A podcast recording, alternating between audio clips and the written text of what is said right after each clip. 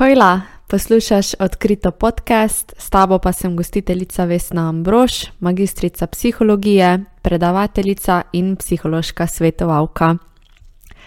Ta teden je v bistvu teden ozaveščanja o motnjah hranjenja, in v skladu s tem nas danes čaka tudi prvi del poglobljene epizode o tem področju o motnjah hranjenja, o negativnem odnosu do hrane in telesa, in to je tudi področje, s katerim se poglobljeno ukvarjam že približno sedem let. Sprva zaradi lastne izkušnje, ki sem ti jo tudi zaupala v prejšnji 41. epizodi odkrito podcasta.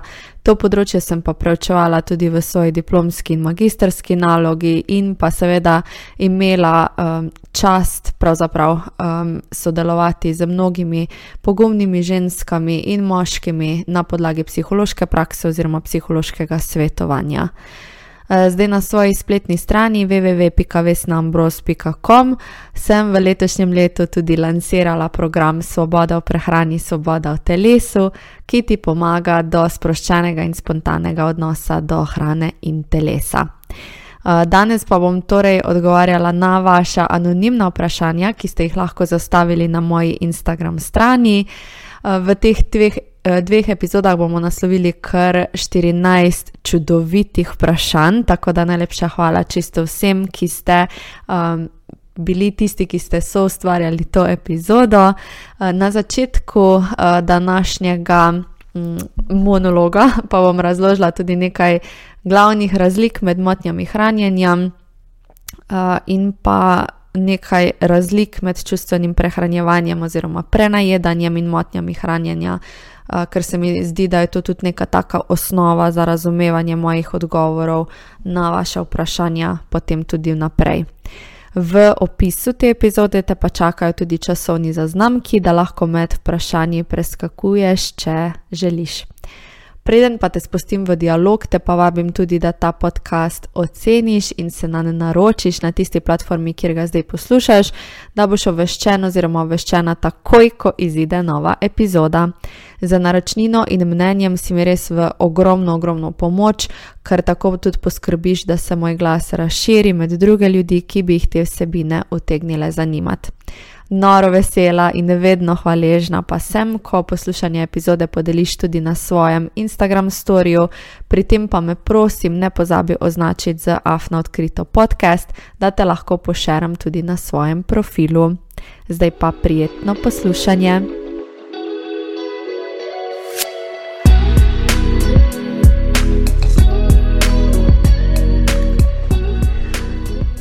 Hej, Ok, zdaj, preden gremo na naša vprašanja, bi prvo dve stvari, ki sta zelo pomembni in pa delujeta kot neka taka osnova za razumevanje tudi mojih ostalih odgovorov na vprašanja, razčlenili dve stvari. In to je v prvi vrsti, katere motnje hranjenja poznamo, da si malo pogledamo, kakšne so njihove glavne značilnosti, um, in pa kot drugo, pa tudi v bistvu kakšna je razlika med motnjami hranjenja in pa čustvenim hranjenjem. Ne, to se zelo pogosto tudi pojavlja kot eno tako vprašanje, ki mi ga zastavljate v Instagram inbox. Um, se pravi, kakšna je sploh razlika, če jaz rečem čustveno prenajedanje, pa potem motnje hranjenja. Ne? In se tudi nekako včasih uporablja za to, ko govorimo o motnjah hranjenja, um, nekdo pač označi, da v bistvu gre pri njemu za čustveno prenajedanje. Ne? Se s tem ni nič narobe, je pa fajn, da vemo, kakšne so razlike. Se pravi, prvo bi si zdaj pogledali, katere motnje hranjenja mi poznamo. Uh, motnje hranjenja imajo drugače največjo stopnjo umrljivosti med vsemi duševnimi motnjami. Uh, celo višjo stopnjo umrljivosti imajo kot pa recimo depresija. Um, tako da govorimo o tem, da um, nekje od 5 pa do 20 odstotkov ljudi z specifično anoreksijo nervozo umre. Uh, in tukaj govorimo bodi si zaradi komplikacij, ki jih uh, motnja lahko prinese, bodi si zaradi samomora. Uh, Um, tako da to je ena tako pomembna in pa zelo, bom rekla, strašljiva uh, informacija za vse nas. Zdaj, če se pomaknemo torej na te neke glavne tipe. Diagnostični in statistični priročnik za duševne motnje ima par moten oziroma obsega par moten hranjenja, ki jih mi poznamo in pa ki so tudi verjetno tebi kot poslušalki oziroma poslušalcu znane in to so anoreksija nervoza, bulimija nervoza in pa kompulzivno prenajedanje. Medtem ko zdaj se na novo pojavljata tudi izraza ortoreksija in pa bigoreksija. Zdaj ortoreksija pa bigoreksija še zaenkrat nista zavedena v tem statističnem priročniku, um, tukaj pa govorimo samo o tem, ne, da se pravi, ne moreta biti prepoznana ali pa ne more biti človek z njima diagnosticiran. Uh, to pa ne pomeni, oziroma ne izključuje dejstva, da je um, simptomatika zelo posebna, malo drugačna kot pri ostalih motnjah hranjenja, in pa za posameznike, ki imajo te simptome, še kako zelo strašljiva, pa obremenjujoča zadeva. Uh, zdaj, če si najprej pogledamo tisto najbolj tipično, vsi ki, imajo, vsi, ki jo imajo v mislih, ko govorimo o motnjah hranjenja, je anoreksija nervoza. Uh, tukaj govorimo o tem, da se posameznica oziroma posameznik, največkrat govorimo o posameznicah, zato ker je nekje 10 proti 1 razmerje glede tega, ali obolevajo ženske ali pa moški. Se pravi, deset žensk na enega moškega zboli, um, se pravi, veliko več je pripadnic ženskega spola, ko, ko, ko so podvržene uh, tej motnji. Uh, tako da tukaj govorimo o res takem intenzivnem, drastičnem omejevanju hrane. Um, in sicer na način, ki vodi v izredno nizko telesno težo oziroma podhranjenost. Eh, potem druga, drugi tak glavni simptom je, eh, da ima oseba velik, velik, intenziven in pa iracionalen strah pred pridobivanjem kilogramov. Večkrat govorijo o tem, ne, da ima oseba v bistvu um, strah pred debelostjo. Um, ampak bolj pravilno bi bilo to pogledati na tak način, da ima oseba strah v bistvu pred zdravo telesno težo, ne ker se na vse pretege v bistvu želi obdržati v tistih okvirih telesne teže, ki so izredno, izredno nizki. Tukaj govorimo načeloma o ITM-ju za odrasle osebe pod 18,5. Je pa res, da jaz fulne rada uporabljam ITM-je prvo iz tega vidika, zaradi tega, ker sploh ne vem, kje naj začnem. Um, rekla bi, da ITM ni nekako najboljše orodje za ocenjevanje tega, ali je nekdo podhranjen, oziroma ali ima nekdo anoreksijo ali pa drugo motnjo hranjenja. In tudi um, tako je, da v bistvu, ko se diagnosticira motnja hranjenja, da ne rabi oseba nujno zdaj biti res 18,5 ali pa pod. Um, oziroma ne pod uh, tem ITM-jem, da, da tudi dobi to diagnozo, um, ker se lahko postavlja diagnoza tudi pač ob drugačnem ITM-ju. Drugače je pa tudi za otroke in mladostnike, kjer se pa upoštevajo še um, bistvo rasne krivulje, starost, spol in pa vse ostalo grejo v izračun tega ITM-ja, tako da tam se pa malo drugače tudi gleda. Um, se pravi, ja, to sta dva taka simptoma. Pri anoreksiji je tudi izkrivljena predstava o sebi prisotna, se pravi, zelo velika distorzija pogleda na lastno telo. Po domače povedano se te posameznice in posamezniki dojemajo kot veliko bolj debeli, kot pa so tukaj gre za to, da imajo zelo velik občutek, da so veliko bolj težki. To je tisto glavno, um, da se občutijo težje, kot so. Sicer tudi ne vidijo na nek način, ampak predvsem je tisti občutek tukaj glavni. Um, potem drugi simptomi so pa tudi um, irregularne menstruacije oziroma izguba menstruacije. Potem mogoče ste videli pri komu um, take dlakice se pojavijo po telesu, tako nek puh, uh, temu se reče lanugo dlake. Um, se pravi, zrasti od tega puha, predvsem po obrazu, uh, tudi po vratu, pa drugot po telesu.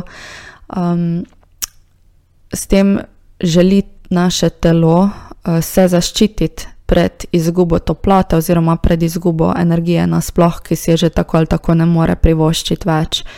Um, tako da na nek način želi telo samo sebe ogrevati, ker ne dobi na, na tak način, ne, da zrastejo te dlake, ker ne dobi dovolj energije um, z vnosom hrane oziroma hranil. Lahko pride pri teh posameznikih tudi do osteopenije oziroma do um, osteoporoze, uh, se pravi, kostna masa se niža, uh, potem, uh, oziroma ja, govorimo o nekem takem pomankanju mineralizacije kostne, uh, zniža se srčni utrip, pojavijo se lahko uh, težave z, nasplošno z srcem, uh, aritmija in tako naprej. In pa nekje približno pol procenta, oziroma od nič cela pet do 1,5 procentov posameznikov ima to motnjo.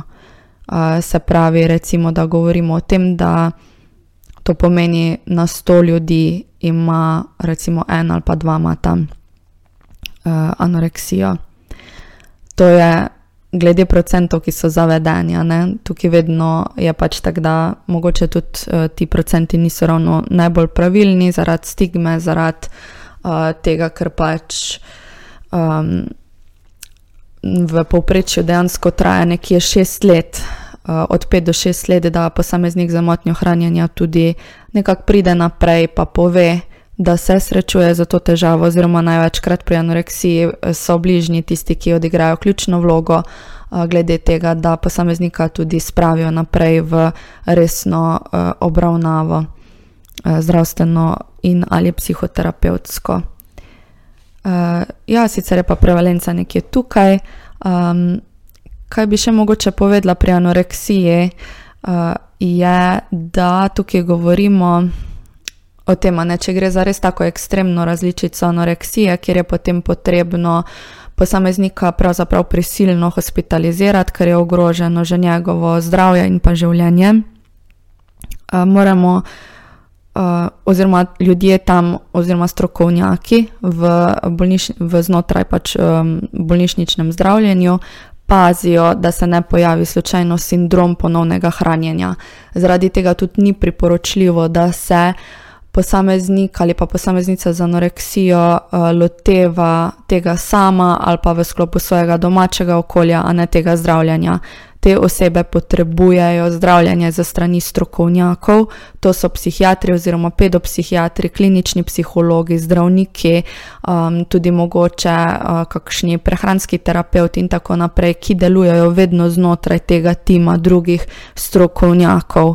Nikoli se ne tega lotevamo z um, oziroma ne bi bilo prav, da se tega lotevamo z kakšnim prehranskim svetovalcem ali kaj takega, zaradi tega, ker lahko tukaj veliko, veliko škode naredimo. Tako da to je nujno uh, izpostaviti.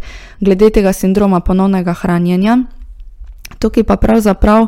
Um, A ne tukaj govorimo o tem refeeding sindromu, če je že mogoče kdo slišal. Um, to je lahko potencialno smrtonosen pojav in se pojavi, ko oseba, ki je podhranjena, eh, ponovno začne prejemati večje ali pa ustrezne količine hrane. Eh, se pravi, tukaj gre za en tako velik paradoks, ne mislili bi, um, da bo to pomagalo, ne? da samo spostavimo neko normalno hranjenje, oziroma čim hitreje, čim večjo, lahko pa to osebo zelo pomembno ogroža. Ker ko oseba dlje časa ekstremno strada, se lahko zgodijo spremembe, oziroma se zgodijo spremembe v telesu, ne zmanjša se proizvodnja inzulina, povečajo se stresni hormoni in tako dalje. In ko oseba ponovno začne jesti, se proizvodnja inzulina v bistvu tako hitro poveča, ker si želi, da bi presnovila tista hranila, ki so prišla v telo. In to lahko potem povzroči nenaden padec ravni kalija, magnezija, fosforja in tako naprej v krvi, in ti, te zadeve so pa ključne za normalno delovanje organov, a ne za no, normalno delovanje srca, mišic, žilčnega sistema. Um, tako da tukaj moramo res izredno uh, paziti. Um, po domačane, ko oseba na hitro spostavi take spremembe, uh, da vnaša hrano v telo, se naredijo oziroma zgodijo spremembe v ravni tekočin, elektrolitov v telesu in telo se zelo s težavo prilagaja temu nenadnemu vnosu hranil. Zato je potrebno tako hudo podhranjeno osebo skrbno, pa pod nadzorom postopoma hraniti. Um, ja, e, to je glede anoreksije, potem imamo bulimijo nervozo. Uh, zdaj, pri bulimiji, nervozi, to se pa osebi na vzven načeloma ne bo videlo, oziroma ne bo tako hitro videlo, da trpi za bulimijo, nervozo. Zaradi tega, ker so pa tukaj posameznice, ki so spet bolj um, tvegana skupina kot pa moški posamezniki, bodo imele normalen indeks telesne mase, se pravi, na vzven bo imela čisto tako um, normalno, po izgledu, zdravo postavo, uh, primerno za njihovo višino, za njihovo starost, pač, pač izgledajo čisto normalno, izgledajo zdravo, ali pa imajo malenkost um, povišano telesno težo. Zato je tudi toliko nevarno uh, in pa zelo osamljeno že tudi pri anoreksiji nervozi, predvsem pa tudi pri uh, bulimiji nervozi, ko govorimo um, o tem, da oseba v bistvu z to motnjo doživlja te simptome, sama je v zelo veliki stiski uh, in pa še na vzven se nekako ne vidi, kako trpi. Tako je v bistvu i tak pri vseh duševnih motnjah, ampak um, tukaj je pa tudi um, to zelo izpostavljeno. Se pravi, Pri bulimiji nervozi pa govorimo o tem, da se izmenjujejo epizode prenajedanja in pa epizode kompenzatornih vedenj. Med, eh, med kompenzatorna vedenja pa štejemo v bistvu eno tako hudo restrikcijo oziroma omejevanje hrane, lahko sem štejemo uh, tudi bruhanje, um, jemanje odvajal in tako naprej. A ne se pravi, kompenzatorna vedenja so tista vedenja, z katerimi oseba želi izničiti, kar je v narekovajih storila z prenajedanjem. Tukaj govorimo o tem, o vzpostavitvi tega začaranega kroga. Ne? Recimo, predstavljamo si, da ena oseba se loteva nove shujševalne diete, uh, kar je nam vsem v bistvu tako zelo že domače. In je najprej na začetku se pojavi eno tako veliko upanje, ker smo kar vzhičeni, smo zelo v upanju, kaj bo ta skušavalna dieta za nas naredila, se veselimo, um, smo ne pozitivno nekako razburjeni ali kakorkoli, um, ker vemo, da bomo da bomo dosegli neko zmanjšanje števila kilogramov, ki si ga pač zelo želimo. In v začetku je res eno tako obdobje, skoraj da medenih tednov, ne bi tako rekel, ko a, nam gre fajn, ko nekako občutimo, a, da to, kar delamo, se pravi, ko se omejujemo za hrano, da to nekako pomaga pri zmanjševanju kilogramov. Potem pa neko nekaj časa to delamo, ko se ekstremno, ekstremno omejujemo mi s tem stopamo v eno tako polje, ko stradamo telo. Um, in z tem stradanjem telesa, psihofiziološkim, ne se odrekamo hrani psihološko, kar je že to v bistvu zelo um, veliko energije nam požre, a ne zaradi tega, ker moramo vedno znova odklanjati hrano, zaradi tega, ker se je nam lušta, pa si jo odrekamo, pa vseeno zelo, zelo krepenimo po hrani.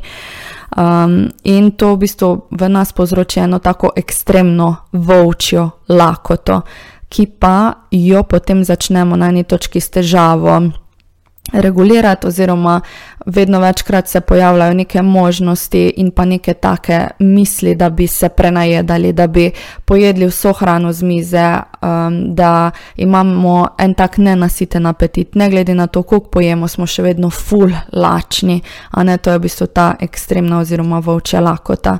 In na eni točki, zaradi tega, ker je naše telo pametno, ker nam daje vedno več signalov lakote, ker je izstradano in si želi hranil in hrepeni po hranilih um, nam daje signale še večje, ne za lakoto, lakoto, lakoto, in na eni točki se mi zlomimo, ker je čisto normalno, da če smo se tako izstradali, da naše, um, kako bi rekla, uh, temu, da naše telo prevzame. Um, Prevzame volan tega avta, ne, uh, in se prenajemo. In takrat, po tisti epizodi prenajedanja, uh, za katero je pa značilno pri bulimiji, da govorimo o enem takem. O eni taki izgubi kontrole, a ne tak je občutek, da smo čisti izgubili nadzor nad sabo, da ne vemo več. Um, v bistvu sploh nismo prisotni v tistem trenutku, ko se prenajedamo, občutek je zgora, skoraj da izven telesni. Um, samo jemo, ne zelo hitro, navadno takrat, ko smo sami, uh, in pa do ene take točke, ko nas že v bistvu zelo, zelo boli želodec. In ko se na eni točki ustavimo, uh, se pa pojavijo potem občutki krivde, občutki sramu, občutki razočaranja nad sabo, in tako naprej. In to ne razmišljanje o tem, kaj smo storili, se pa potem stopnjuje do te mere, da želimo na hitro na nek način izničiti um, to, kar smo naredili, in potem posežemo po ko, tako imenovanih kompenzatornih vedenjih. Um, ali se stradamo do naslednjega dneva, um, ali v bistvu gremo takoj, recimo, teč ali pa dvigovati teži, ali gremo. Um, po odvajala in tako naprej. Se pravi, tukaj se pa potem ta krok sklene, um, ker potem se zopet pojavi želja, potem da um, bi shujšali, in potem je ta krok tudi sklenjen. Se pravi, pri bolimi so ta kompenzatorna vedenja zelo uh, v. Um, Tista, ki so v ospredju, in tudi, kadar se lotevamo zdravljenja, um, je pomembno, da se vzpostavijo redni, um, tudi uravnoteženi, ampak predvsem redni obroki, ker uh, veliko krat se oseba recimo strada čez dan. In itak je čisto normalno, da potem zvečer enostavno ne zmore več, ker nima več tiste volje, oziroma tukaj tudi ta volja, pa motivacija. Ne? To ni pravi način gledanja na situacijo, zaradi tega, ker je normalno, da ti nimaš volje, pa motivacije vzdrževati uh, te restrikcije, ker je nemogoče, ker telesu ne daš dovolj hranil in telo je izstradano in te prosi za tisto hrano, ki jo zelo, zelo potrebuje, zato da lahko ti fun normalno funkcioniraš, pa zaradi tega, da lahko tvoji organi, mišice normalno delujejo in tako naprej. Um, tukaj smo mogoče malo zašli, ampak se mi vseeno zdi pomembno, da ta krok poznamo.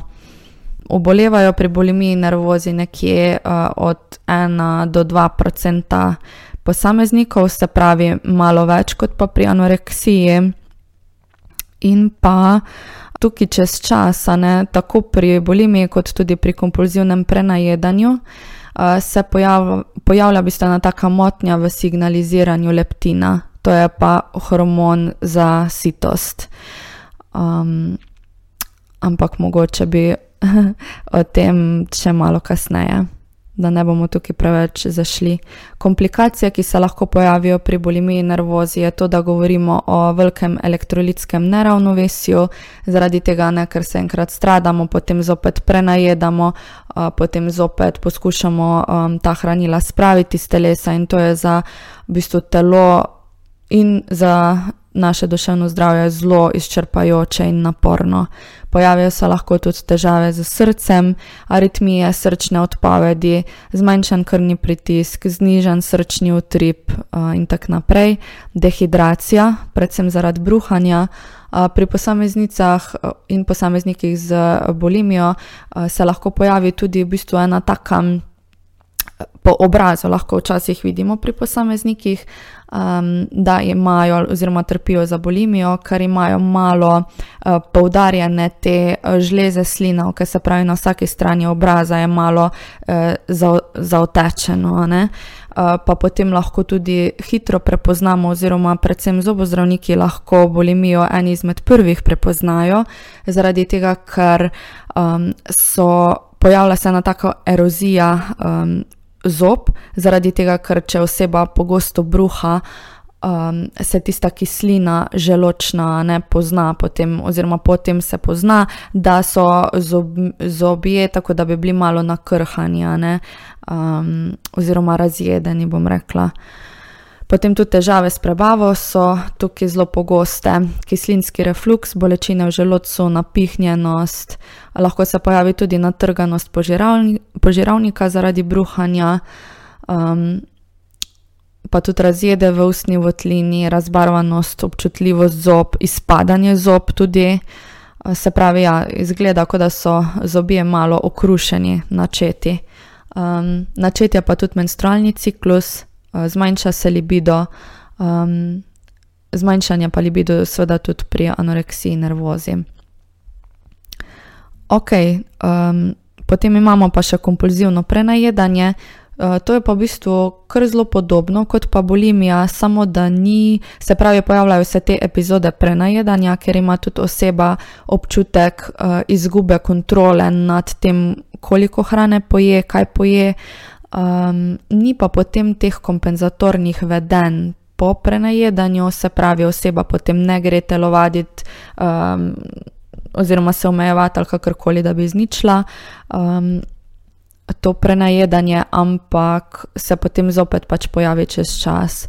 Uh, prenajedanje in zopet in zopet, kar pomeni tudi, da je potem logično, da govorimo pri kompulzivnem prenajedanju o uh, posameznikih, ki imajo uh, povišan, povišano telesno težo, uh, lahko pa tudi v bistvu nekje pač normalno, normalno ampak navadno pa uh, povišano. Prevalenca je nekje od 3 do 5 odstotkov, tako da tukaj je um, najvišja od moten hranjenja.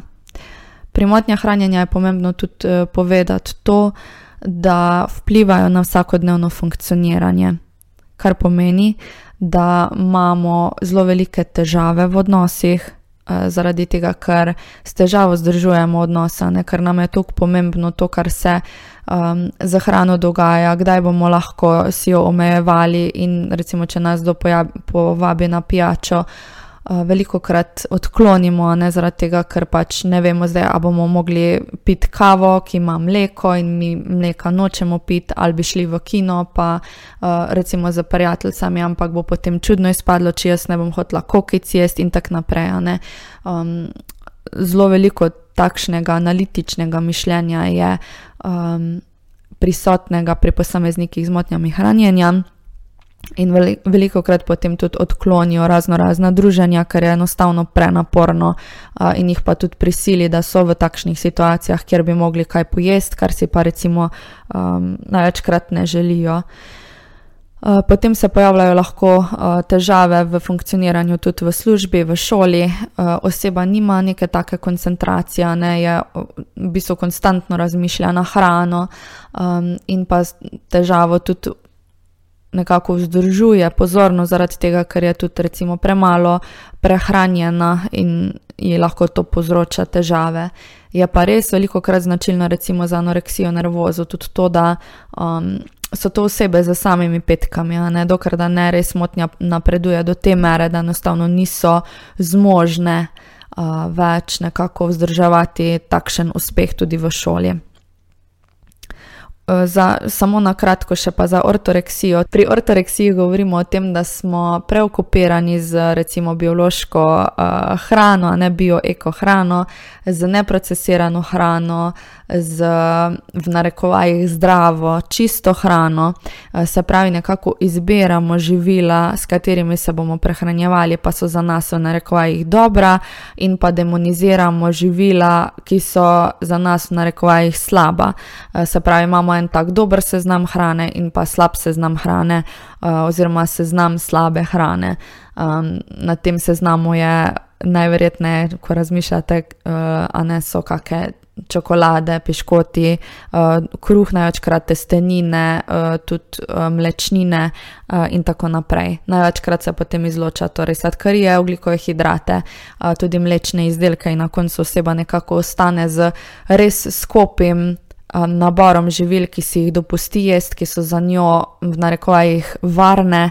Um, največkrat so to kakšne zelenjave, pa mogoče tu in tam kakšno meso um, na ta način.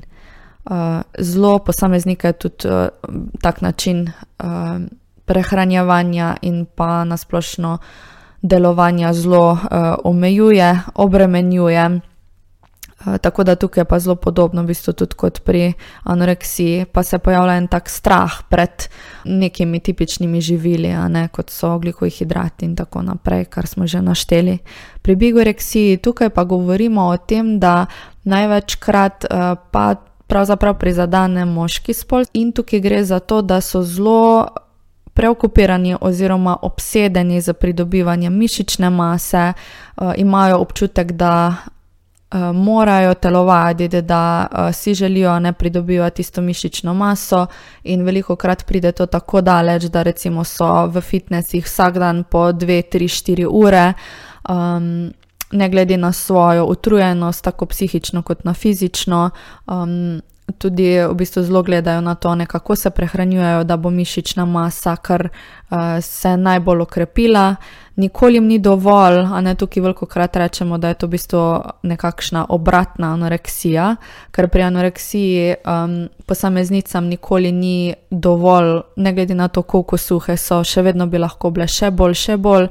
Uh, pri bigoreksiji je pa ravno obratno, tudi ko so že zelo mišičnati ti posamezniki še nikoli ni dovolj, ne? samo še več, še več, še več bi želeli, ker se jim zdi, da še ni dovolj in da nimajo dovolj mišične mase in se dojemajo kot uh, taki vitki, čeprav so zelo mišičasti. Um, tako da to je na kratko to. Uh, motnje hranjenja tudi niso.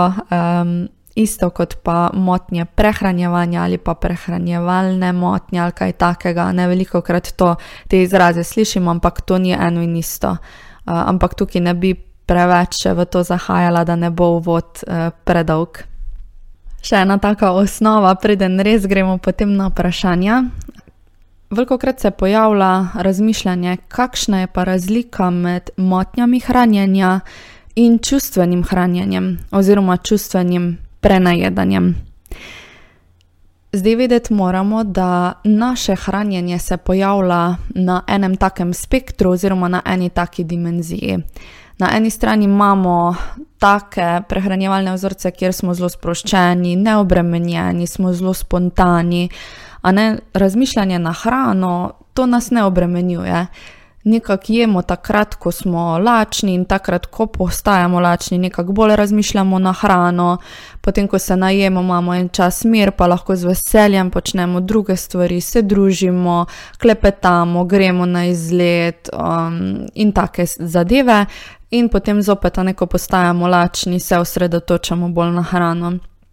Tako da to lahko vidimo, da je res en tak sproščen odnos, da nas nič ne vrže iz tera. Tudi če um, smo najprej mislili, da bomo šli v Mehiško, pol pa reče prijateljica, da bi raje šla v Kitajsko nekaj pojesti. Tudi če se nam ne zdaj fulušta Kitajske, pač nismo glede tega obremenjeni, bomo tam že našli nekaj takega, kar nam bo všeč. Medtem ko, a ne na drugi strani, na drugi skrajni strani, strani tega spektra, imamo pa potem tiste motnje hranjenja, o katerih smo govorili. Ko se zelo obremenjujemo, zelo analiziramo, če nas povabi ena prijateljica v kino, naše misli zatavajo na način, da ok, zdaj moramo iti v kino, se pravi, to pomeni, da bomo mogli jesti kokice, oziroma da bo ful čudno, če ne bomo vzeli kokic, ker prijateljica jih bo zihar jedla. Če si bom jaz zraven prinesla, recimo, oreščke, ki si jih načeloma dovolim jesti, um, bi bilo to verjetno bi to izgledalo čudno. Prav tako pa ne smem pojesti več kot štiri, pa bom zdaj res um, gledala, da bojo štiri, ali bom recimo pozabila, pa bom pojedla petega. Na tak način ti posamezniki zelo analizirajo in to je tudi zelo izčrpajoče pri motnjah hranjenja, zaradi tega, ker vedno razmišljamo o tisoč in enem scenariju, ko nas nekdo recimo samo povabi na pijačo, kaj vse to za sabo potegne, pa bi si recimo želi, želeli s tisto osebo družiti, ampak nas je tok strah, da bomo izpostavljeni, ne vem, možnosti, da bomo mogli piti kavo, ker ima pač kava, recimo, če jo vzamemo z mlekom zraven, pač mleko, ki ga mi drugače ne jemo oziroma ne pijemo. A ne tukaj lahko vidimo, da je res eno tako zelo obremenjujoče stanje, obremenjujoče razmišljanje, nezdrav odnos do hrane nasploh in to je pač na tisti drugi strani spektra. Vmes se pa pojavlja. Zopet, ne, lahko malo bolj težimo k tem patološkim načinom hranjenja, in je za nas pač značilno, da nas tu pa tam kaj vrže iz tera. Um, in vedeti moramo, da se v posamezniku, v posameznikovem življenju vsakega izmed nas pojavljajo kdaj kakšni dogodki, kakšni sprožilci za to, da mi tudi drugače jemo. Recimo, če smo mi soočeni z smrtjo bližnjega, gremo um, recimo z enim fantom na razen, um, imamo slab dan v službi, um, nam je dolg čas ali karkoli od tega, to ti dogodki oziroma ti sprožilci v nas sprožajo malenkost drugačen apetit in to je čisto normalno, da mi zaradi čustev na malo drugačen način tudi jemo. A ne veliko krat vemo, da če smo soočeni z smrtjo, da pač nimamo takrat apetita, zaradi tega, ker smo v čisto drugačnem stanju. In to je v bistvu za tisti čas normalno, a ne za tisti kontekst je tak način spremembe apetita, kar v bistvu pričakujemo ga, a ne. Tako da s tem ni tudi nič narobe, dokler pač ne pridemo uh, do tistih ekstremnih različic, ko jim pa res rečemo motnje hranjenja. Tako da vsak izmed nas se ob različnih čustvenih stanjih pač m, srečuje z spremembo um, apetita. Ampak razlika v tem, a ne, a nekdo se recimo prenajeda. Um, čustveno, ali pa govorimo o motnjah hranjenja, je kompulzija.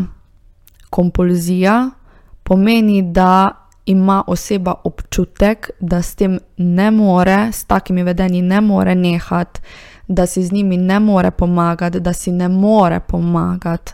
Enostavno ona ima takšne močne, siljive misli, da ne sme jesti ali pa da ne sme jesti tiste določene hrane, ker se je kar zdi, da če jo bo pojedla, bo katastrofa, da bo konec sveta, da bo umrla. In v tem je ta keč. A govorimo samo o nekem čustvenem hranjenju, oziroma tudi tu in tam epizodama nečustvenega prenajedanja, um, ali pa potem o motnjah hranjenja. Ker tudi recimo eno tako čustveno prenajedanje je manj intenzivno kot pa eh, prenajedanje v smislu moten hranjenja, ne recimo bulimičnih prenajedanjih. Ko se mi čustveno prenajedamo, a govorimo o tem, da pač čez dan pojemo več, ali pa da imamo tudi eno tako obdobje v dnevu, ko res pač pojemo malo več, kot pa na tipičen drug dan, ampak ni tako intenzivno, ni tako močno, da nas na koncu res fulboli želodec, a ne potem nimamo nekih takih hudih občutkov, krivde, občutkov sramu in pa ni tistega občutka izgube kontrole oziroma nadzora nad tem našim hranjenjem. To je tukaj ključno, se pravi občutek izgube kontrole in pa kompulzija oziroma občutek, da s tem vedenjem ne moremo prenehati in da si ne moremo pomagati. Ti dve stvari sta nujni za razločevanje tega, a govorimo o dejanski motnji hranjenja ali pa govorimo o nekem takem čustvenem prenajedanju, ker je, ker je prostor za izboljšave, ni pa to na tak način, da bi nas pač zelo obremenjevalo v vsakodnevnem življenju in bi res potrebovali okrevanje, psihološko, um, psihološko podporo, psihoterapevtsko, medicamentozno podporo in tako naprej. Tako da tukaj je ta razlika. Jaz upam, da je to um, na nek način zdaj bolj jasno. Ok, zdaj pa mi gremo končno v naša vprašanja. In prvo vprašanje se glasi: Zanima me, od česa vse je odvisno, da pride do nastanka moten hranjenja? Ful dobro vprašanje. Sklepam, da niso samo socialna omrežja. Hvala za odgovor. Ja, hvala za odlično, odlično vprašanje. Pri motnjah hranjenja mi ne moremo reči, da zdaj je pa to krivo, da je prišlo do anoreksije. Ne, ne moremo s prstom pokazati na en faktor, ampak gre za to, da se prepletajo različni faktorji. Govorimo o biopsihosocialnem modelu. Zdaj to se mogoče malo kompleksno sliši, ampak gre pač za, tukaj gre za to, da uh, biološki faktori so tisti, ki doprinesejo k temu, da lahko motnja hranjenja nastane, potem tudi psihološki in tudi socialni. In preplet vseh teh treh poveča tveganje za to, da bo nekdo pač razvil ali anoreksijo, bulimijo in kaj drugega. Uh, se pravi, biološki faktori, genetski faktori, um, potem neke pač take genetske predispozicije, ki jih imamo v okolju, uh, včasih uh, tudi recimo uh, zapleti pri porodu, zapleti uh, v nosečnosti. Uh, um, ko nas je mama, uh, a ne ko je bila noseča z nami. Potem psihološki, kakšen način, kak temperament imamo, kako osebnost imamo. As je za nas značilna, uh, recimo, ena taka bolj perfekcionistična osebnost, bolj rigidna, bolj toga osebnost, da se zelo s težavo uh, prilagajamo nekim spremembam, da se nam zdi, da nas stvari hitro vržejo iz tera, um, da smo zelo podvrženi recimo stresnim situacijam, oziroma zelo hitro, um, zelo hitro smo v stresu, ne, da nismo tako odporni na različne stresorje. Um, potem uh, tudi recimo osebnost na način bolj impulzivne osebnosti. To pomeni, da se na hitro nekaj odločimo in hočemo točno tisti čas in takoj.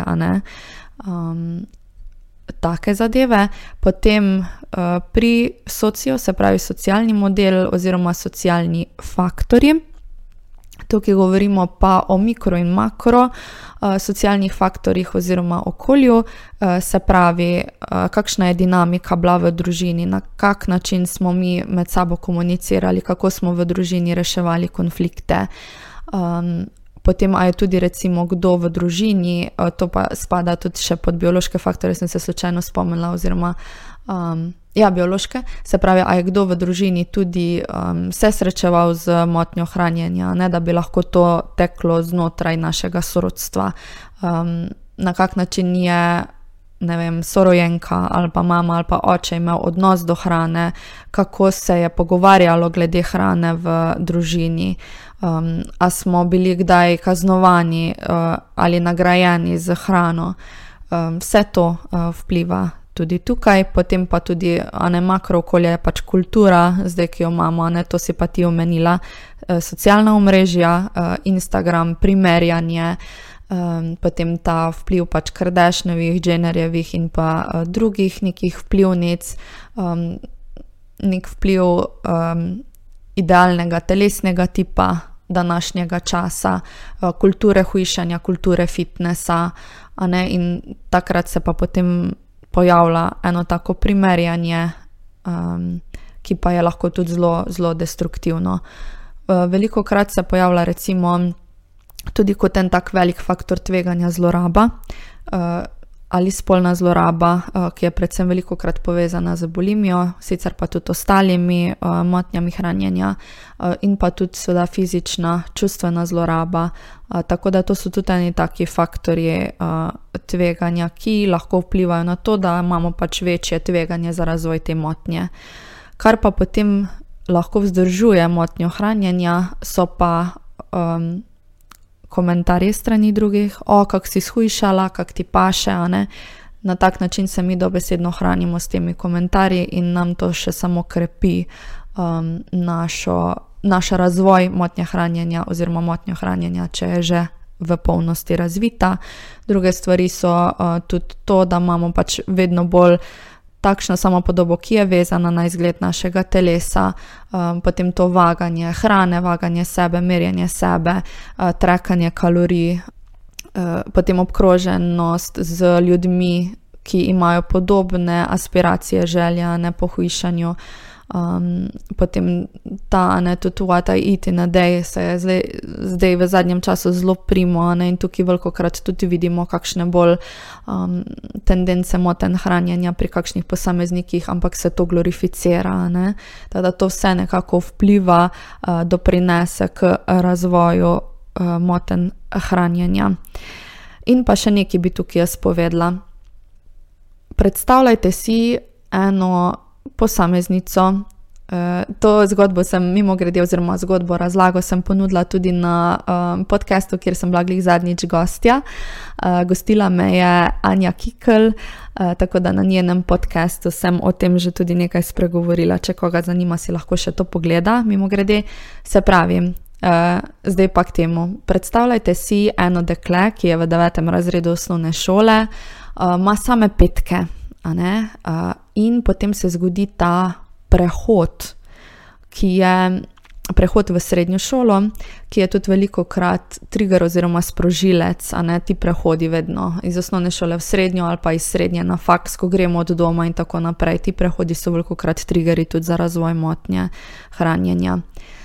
Um, in če si predstavljamo to posameznico, ona pride potem v srednjo šolo in tam je več svobode, tam se zgodijo velike spremembe, čisto drugačno okolje, sošolci so drugi, pričakovanja družbe so druge, večjo svobodo imamo, več časa imamo, okolje je bolj nepredvidljivo.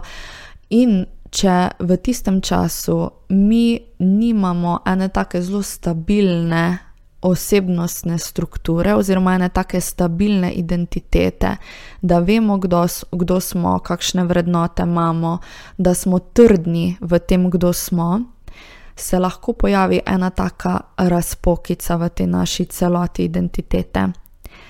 In to razpoko lahko zapolni katera od moten hranjenja. In kako vemo, da se je to pri nas zgodilo? Zaradi tega, ker ti posamezniki, ko potem okrevajo že od moten hranjenja, se veliko krat pojavi skrb, da ne vejo, kaj so brezmotne hranjenja. Ne, ta, se pravi, motnja hranjenja se veže na to identiteto, ne vejo, kdo so brez nje, ko okrevajo to motnjo hranjenja, pogrešajo. Ne, nek tak način, da ne vejo, ne poznajo se brez tega. In to je lahko tudi zelo, zelo nevarno, a ne čisto tako mimo grede, sem še hotela to dodati. Se pravi, smo odgovorili na vprašanje. Ja. Drugo vprašanje.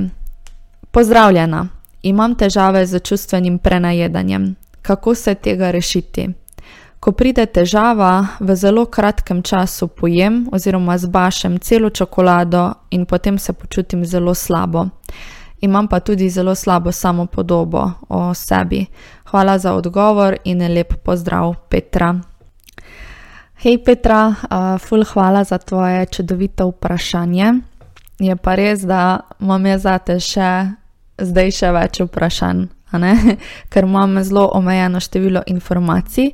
Uh, jaz bi ti rekla, da Premisli pri sebi, kakor smo prej govorili, a pri tebi gre takrat, ko pride do čustvenega prenajedanja, kakor si se sama izrazila, a pride do teh občutkov, da uh, se ne moreš nadzorovati, ko poješ celo čokolado. Ne, ti si napisala celo čokolado, um, se pravi, ker tukaj je tudi a ne razlika, govorimo vem, o tisti kilski milki, naprimer, ali pač govorimo recimo o Kinder Bueno. Tako da tukaj je ena tako velika razlika, a se ti zdi, da v kratkem času poješ res velike, velike količine čokolade in imaš zraven en tak občutek, da se pri tem ne moreš nadzorovati, da si ne moreš pomagati ne, na tak način.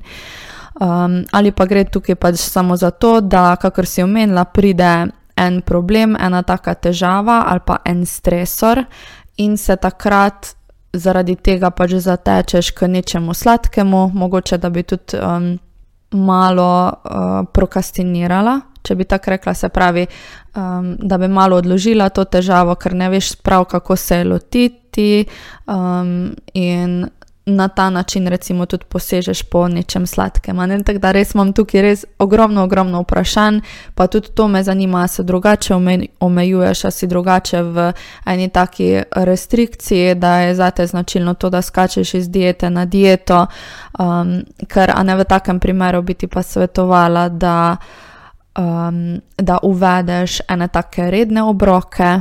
Na, mogoče 3-4 ure, da so obroki dokaj veliki, ne zaradi tega, ker je potem tudi um, manjša možnost, da prihaja do nekih takih epizod prenajedanja.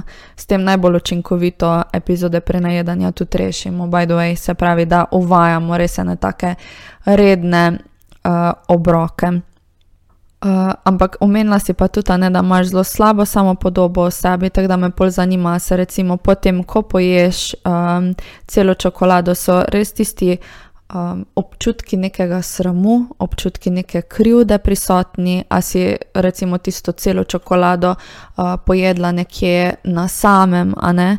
Um, to so vsi neki taki pokazatelji, da mogoče gre tukaj za tisto ali kompulzivno prenajedanje, a ne kar polje zopet spet odvisno, ali potem uh, se lotevaš tudi kakih kompenzatornih vedenj, to pomeni, kako smo pregovorili, recimo, uh, da telovadiš, da bi izničila uh, pač to prenajedanje, ali pa uh, se stradaš in tako naprej.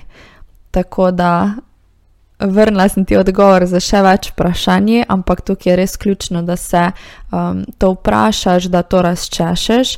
Um, ker če boš ugotovila, ne, da pri tebi v bistvu gre za eno tako uh, prenajedanje, ki je del moten hranjenja, kjer izgubiš ti občutek kontrole, kjer si ne moreš pomagati, da ne bi uh, se prenajedala in da se to v bistvu pogosto dogaja, recimo vem, enkrat na teden, dvakrat, trikrat na teden, um, in da te to v bistvu omejuje potem tudi pri vsakodnevnem funkcioniranju, da cel čas razmišljaš na hrano, ne da se ne zmoreš osredotočiti na karkoli drugega, da uh, se zaradi tega tudi manj, recimo, družiš in tako naprej, um, potem imaš problem. A ne potem tukaj res govorimo o uh, kateri izmoten hranjenja in bi bilo nujno tudi, da poiščeš eno tako strokovno podporo, um, da greš bodi si recimo družinskemu zdravniku, poveš, kaj se ti dogaja. Eh, pa potem prosiš za uh, eno tako dodatno psihološko pomoč, lahko greš v center za krepitev zdravja, uh, kjer imajo tudi delavnice na to temo, oziroma um, ti lahko ponudijo kakšno brezplačno svetovanje, um, ali pa greš po privatnih poteh, a ne se uh, mogoče zatečeš k kakšnemu strokovnjaku z področja duševnega zdravja, ki se z temi stvarmi dogaja in lahko tudi uh, ukvarja in lahko tudi skupaj uh, prediskutirata in rešita ta tvoj problem. Uh, sicer pa se pravi, ja, če si. Če imaš, se srečuješ z restrikcijo, čez dan najprej to uvedi, uh, se pravi, redne obroke, um, tudi redne prigrizke vmes, da boš zmanjšala um, to omejevanje hrane čez dan, ne, in ker če se mi omejujemo čez dan, je potem tudi večja verjetnost, da bo prišlo um, proti večera ali pa naslednji dan ali kakorkoli do prenajedanja. Tako da najprej to. Um, In pa kakšna dodatna podpora, in pa pomoč lahko pa tudi, ne, če si napisala, ko pride težava, da v kratkem času potem poješ celo čokolado. Zdaj, če za tebe niso značilne te stvari, ki sem jih opisala, ampak samo da v časih stresorja posežeš po nečem sladkem, se pa lahko tudi nekako opremiš ali pa pripraviš na to, da ko pride ena taka težava, da posežeš po drugih načinih um, to lažbe ali pa samo pomirjanja, če bi tako rekla. In to je recimo, da v tistem času raje uh, pokličeš kako prijateljico, pa z njo prediskutiraš to težavo ali si zapišeš težavo na papir, pa poskušaš doreči, recimo, katere so vse možnosti, da jaz rešim to težavo in izbereš potem najboljšo, pa jo začneš počasi reševati in tako naprej. Zdaj, če pa gre tukaj res za eno tako težavo, ki je del um, moten hranjenja, boš pa te strategije zelo stežka uporablja, ne, ker gre v bistvu tukaj za eno tako um, prisilno vedenje, oziroma eno tako vedenje, ki, kjer si ti ne moreš pomagati, in takrat je um, boljše. Uh, in tudi primerna rešitev to, da se zatečeš k strokovnjaku. Jaz upam, da sem ti s tem lahko odgovorila. Če imaš še uh, kakšno dodatno vprašanje, me pa prosim še podsukaj. Ok, tretje vprašanje. Uh, Kako se znebiti obremenjevanja z hrano? Slaba vest, vse mora biti v narekovajih zdravo.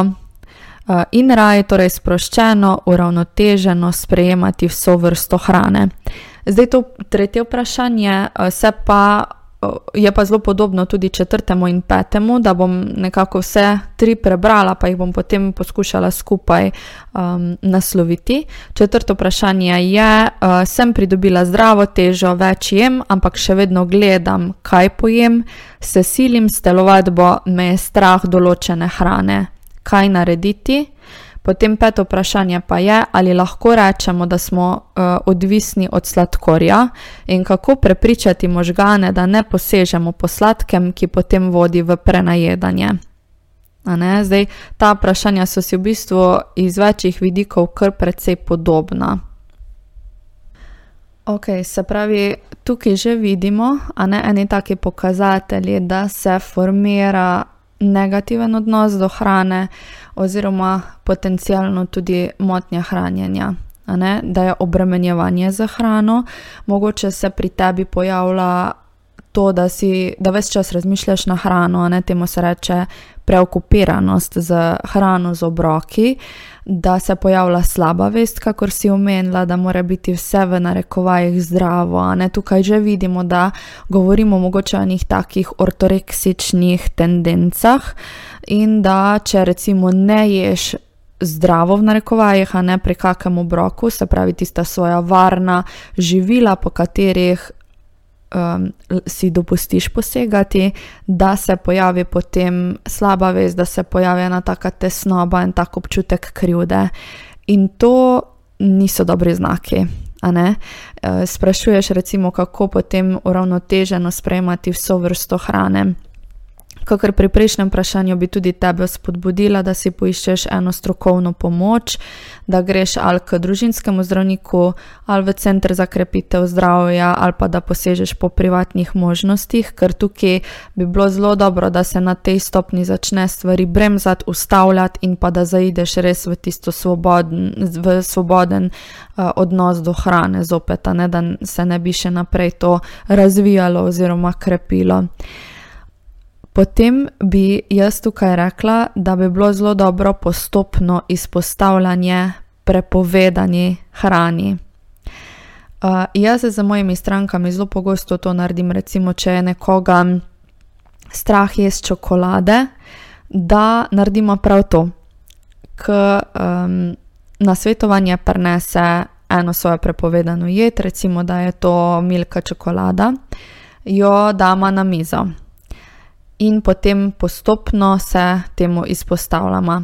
Mogoče se en dan o njej samo pogovarjamo, en dan jo gledamo, jo malo obračamo, jo ima um, stranka v rokah, uh, jo malo gleda, ne? uh, potem jo odpremo.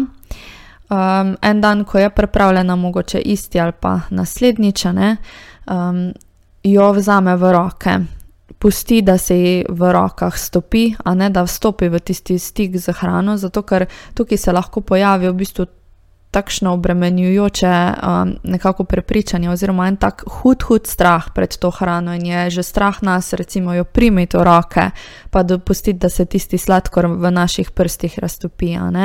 Tako da pač to je naslednji korak, potem jo lahko recimo že povohaš, če si to dopustiš, in pa na koncu tudi daš v ustah in pa okusiš. Najprej recimo en grižljaj, potem pa na koncu tudi celo vrstico. In to je to postopno izpostavljanje hrani, samo da ti vidiš, da se ne bo nič kaj takega zgodilo, a ne kot ti tisto čokolado poješ. Večkrat se pojavlja eno tako prepričanje, da bomo nekontrolirano začeli pridobivati na teži, če bomo jedli neko določeno vrsto hrane ali pa nasplošno jedli hrano. Ampak vedeti moraš, da to ni res. Ne moreš nekontrolirano se začeti rediti, če si dopustiš neko hrano zopet vnesti v jedilnik, recimo. Um, Tako da tukaj je to pomembno, da veš, da od enega grižljaja čokolade se ne boš zredila um, in da prenehaš ne, uh, enačiti v bistvu um, recimo sladke prigrizke z tem, da bojo nekontrolirano um, kilogrami tudi poskočili. večkrat se recimo pri kognitivno-vedenskih psihoterapijah um, tudi lotevamo eh, na tak način tega, da se pravzaprav posameznika vaga, a ne na recimo srečanjih, uh, zaradi tega, ker ko posameznik začne vnašati vso vrsto hrane v svoj jedilnik nazaj, lahko na tak način, ko se ga postopoma potem tudi uh, vaga, ta posameznik vidi, da ne pride do nekontroliranega poskoka v teži, ampak da lahko tudi to nadzoruje, ne pa v bistvu regulira, da grejo temu primerno, recimo, če ima anoreksijo, da grejo kilogrami temu primerno tudi uh, gor, da ne pride do tega, da kar čez noč pridobiš 10 kg. V bistvu sploh ni tako enostavno pridobivati na kilogramih, kot smo enkrat že uh, tudi v um, tako recimo nizki teži. Tako da mimo grede je to postopno izpostavljanje hrani in pa potem naslavljanje tvojih prepričanj, strahov, dvomov v povezavi z hrano. Uh, se pravi, mi imamo različna prepričanja ne? in misli, ki se nam porajajo v glavi, in te naše misli niso stoprocentna resnica, so samo neke misli, ne? ki pač se tu in tam pojavijo v naših možgančkih. In recimo na psihološkem svetovanju tudi prepoznavamo različna prepričanja. Pogosto se pojavi, recimo, um, moram biti suha, da bom srečna ali uspešna. Ali pa noben me ne bo imel rad, če bom debela, ne bom našla fanta, če bom debela. Um, ali pa zredila se bom, če bom jedla čokolado. Um, take stvari in taka prepričanja. In zdaj, če recimo vzamemo prepričanje, če se tudi pri tebi pojavlja, ne to boš pa ti raziskovala pri sebi, kakšno prepričanje se pri tebi pojavlja, pa ga lahko na ta način uh, sledeč tudi sama razdelaš. Če nekdo reče, moram biti suha, da bom srečna ali uspešna, bi lahko jaz tukaj vprašala, a je to res, da suhost oziroma vidkost garantira sreča? Koliko procentov ti dejansko verjameš te misli? Ja, mogoče se ti ta misel res pojavlja, ampak a je sto procentno verjameš? Pa tudi, če ti rečeš, recimo, ja, sto procentno ji verjamem. A se ti zdi, da bi rekla, a obstaja vsaj, ne vem, deset procentov možnosti, ali pa pet procentov, ali pa procent, ali pa pol procenta, da ti poznaš koga, ki je suh, vitek, mogoče tudi, da je ena posameznica, ki je lepa, ki je vidka, pa je vseeno nesrečna, pa je vseeno tako kisla, pa ji nič ne paše. Ali pa, a mogoče poznaš koga, uh, kakšno punco, ki je suha, pa vseeno ni uspešna v šoli. Ali pa kakšno žensko, ki je vidka, pa ni uspešna v življenju. Ali pa poznaš koga, ki je normalne postave, ali pa celo, a ne da je malo uh, obilnejši, pa je večino časa zelo pozitivno razpoložen, dobre volje, ima spontan tak odnos do hrane, recimo. Ali pa eh, nekoga, ki je normalne postave, pa je zelo uspešen v življenju. In na tak način se malo igramo z eh, temi prepričanji pri psihološkem svetovanju.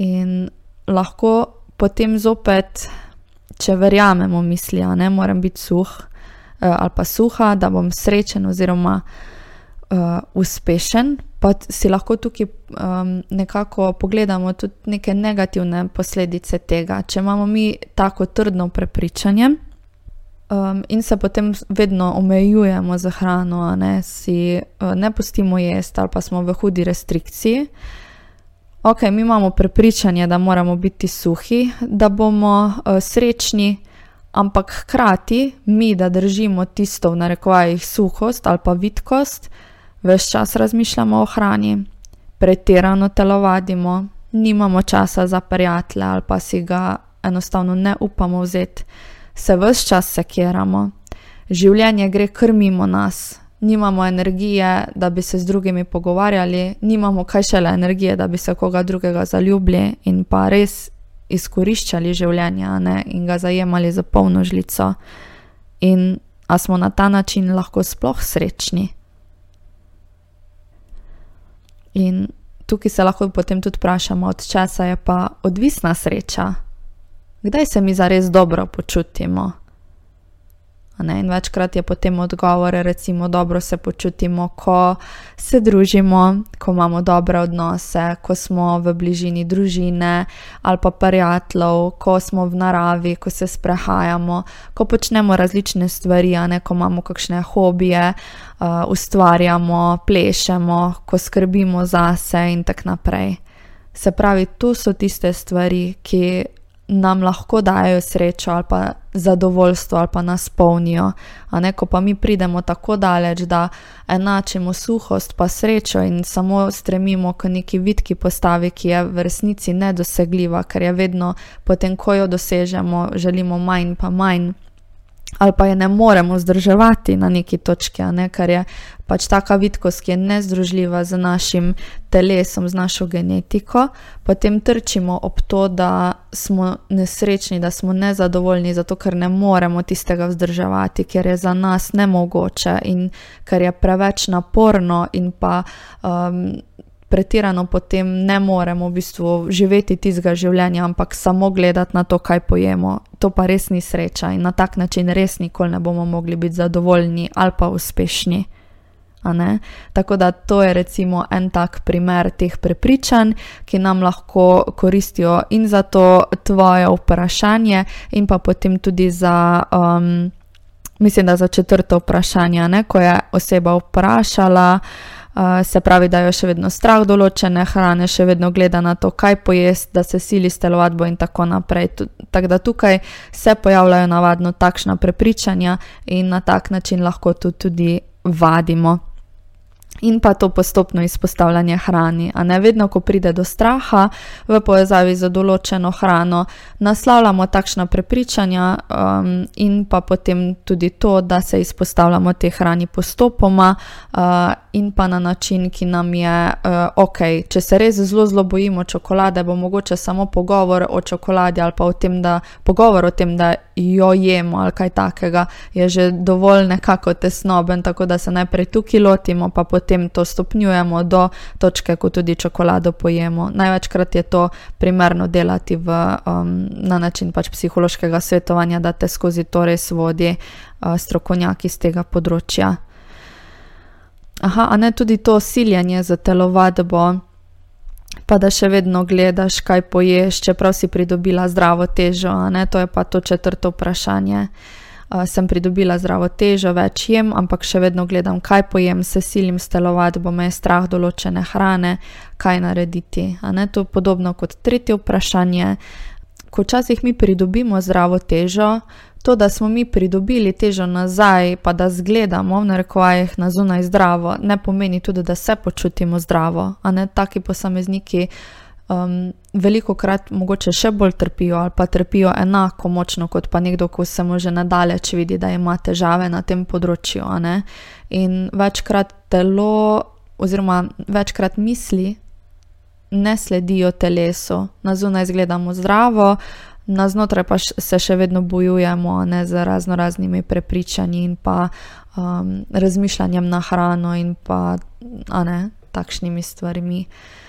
Um, tako da tukaj bi bilo potrebno ne se vprašati, kaj nam predstavlja telovadba. Kaj bi se zgodilo, če mi en čas ne bi telovadili, a ne tako, da bi tukaj naslavljali tudi tvoja prepričanja. A to, da recimo, ne bi kak dan telovadila, kaj to za tebe pomeni, ali pa kaj se bo zgodilo, ali bo tukaj prišlo do narekovajih nekontroliranega pridobivanja na telesni teži. Um, kaj so tista iracionalna prepričanja in pa strahovi, ki jih imaš. In pa potem uh, to vse skupaj naslavljati na tak način, kot sem ga glih prej povedala. A ne lažje je to potem tudi za strokovnjaki delati.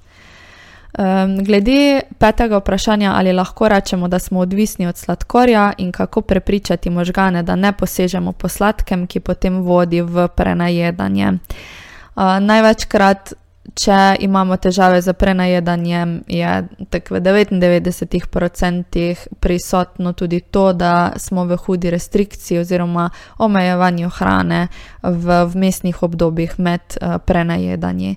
Tako da tukaj je potrebno najprej spostaviti redne obroke um, in pa.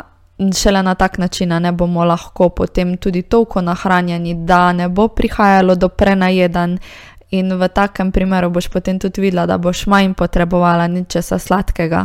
A ne zaradi tega, ker možgani, če smo mi v dolgo časa v neki restrikciji, si možgani najbolj in pa telo najbolj želijo tiste hrane, ki je visoko kalorična, ki ima zelo veliko sladkorja, ki ima zelo veliko um, neke energije zapakirane v sebi. In to so navadno sladkarije, oglikovi hidrati in take stvari, ki so za nas tudi uh, dobre, zato ker imajo tudi neke take snovi snovi, ki jih naše telo potrebuje, predvsem pa veliko energije, ker naše telo želi potem zelo hitro nadomestiti tisto izgubljeno energijo, um, zelo nizko.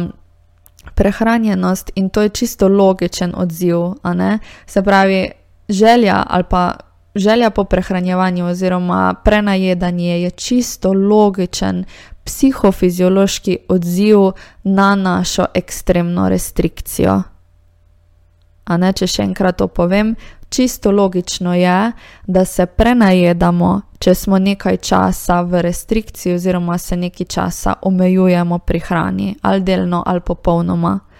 Ker želi naše telo nas na neki tisti točki ohraniti ker naše telo vedno stremi k temu, da je v ravnovesju. In za njega je to, da mi gremo iz tistega ravnovesja, neka nevarnost, ogroženost. Ne, in čisto normalno, oziroma logično je, da telo želi obraniti um, tiste kilograme, ki, v katerih se mi drugače dobro počutimo, oziroma ki so v nekem rangu dobre teže za nas, za našo genetiko, za naše telo, za naše potrebe, a ne potrebe našega telesa. Tako da, ja, tudi tukaj imam v bistvu čisto enaka priporočila, kot pri tretjem in četrtem vprašanju, tako da uh, si to še enkrat preposlušaj. Uh, drugače bi pa tukaj še to povedala. Ljudje, vsak izmed nas, ima optimalen rang telesne teže, se pravi en tak razpon kilogramov, v katerem mi najbolj, najbolje delujemo, optimalno tam funkcioniramo. Se pravi, vsak izmed nas ima ne eno točko oziroma neke specifične kilograme, ampak en tak razpon uh, kilogramov, par kilogramov gor in dol, kjer se mi zelo dobro počutimo, tam lahko najboljše razmišljamo, tam smo najbolj eh, ustvarjalni, lahko delamo druge stvari, a ne, ne konstantno razmišljamo na hrano, ampak smo tako dobro prehranjeni, da se zmoremo koncentrirati na druge vidike našega življenja, na druga področja, se lahko dobro učimo, imamo energijo za delo, za službo, um, imamo voljo do druženja, imamo bolj stabilno razpoloženje, imamo libido, a ne imamo neko željo in pa krepenenje po spolnosti aktivnosti, uh, imamo pač dovolj energije, tudi recimo za telesne aktivnosti, se počutimo kot dovolj močni in tako naprej. Tako da mi um, najbolj delujemo, oziroma najbolje funkcioniramo v tem rangu, najbolj optimalnem rangu za nas. In kakor hitro mi želimo. Prisilno iti iz tega ranga, ali pač gremo tudi po nesreči, kdaj na vzgor ali na vzdolj, naše telo želi obraniti to ravnovesje, oziroma se vedno znova nazaj zateka k temu optimalnemu rangu, ker pač tam najbolje delujemo in tam eh, lahko preživimo in se tudi eh, lahko najbolje v bistvu reproduciramo. Če smo mi v tistem rangu, smo kot ženske, recimo, tudi um, imamo bolj. Kako naj rečem, zdrav menstrualni ciklus, smo pripravljeni tudi na zanositev, donositev, in pa zato, da smo um, sposobne biti, oziroma dovolj ne psihofizično, pripravljene biti mamce in uh, donositi otroka. Uh, tako da je čisto logično, ne, da želi telo v, bistvu v tistem času, če mi gremo pod to mejo, namerno, recimo z restrikcijo, vedno znova želi obraniti tiste kilograme in zaradi tega tudi spodbuja uh, naše telo z dodatnimi signali lakote. Um, to, da bi mi več jedli, da bi več posegali po hrani, zato da bi prišli nazaj v tisti rang. Naše telo je full pametno ne, in dela na tak način, v bistvu tako imenovanega termostata, že skoraj. Tako kot imamo mi, recimo v dnevni sobi, um, ne vem, urejeno, da imamo 22 stopinj in kakor pade uh, temperatura pod temi stopinjami, uh, potem začne uh, ali ne vem, pač toplotna črpalka delati, da mi zopet pridemo na tistih 22 stopinj Celzija, kjer se najbolje počutimo. In čisto tako deluje v bistvu tudi naše telo. Zaradi tega je tudi normalno, da mi ne moremo namerno, oziroma da le s težavo eh, silimo telo, da je izven tega ranga, oziroma ga le s težavo lahko držimo iz tega ranga. Zaradi tega, ker je v naši genetiki zapisano, kje imamo mi nekako optimalen rang te telesne teže za nas. Tako da to se mi je zdelo pomembno tudi omeniti tukaj.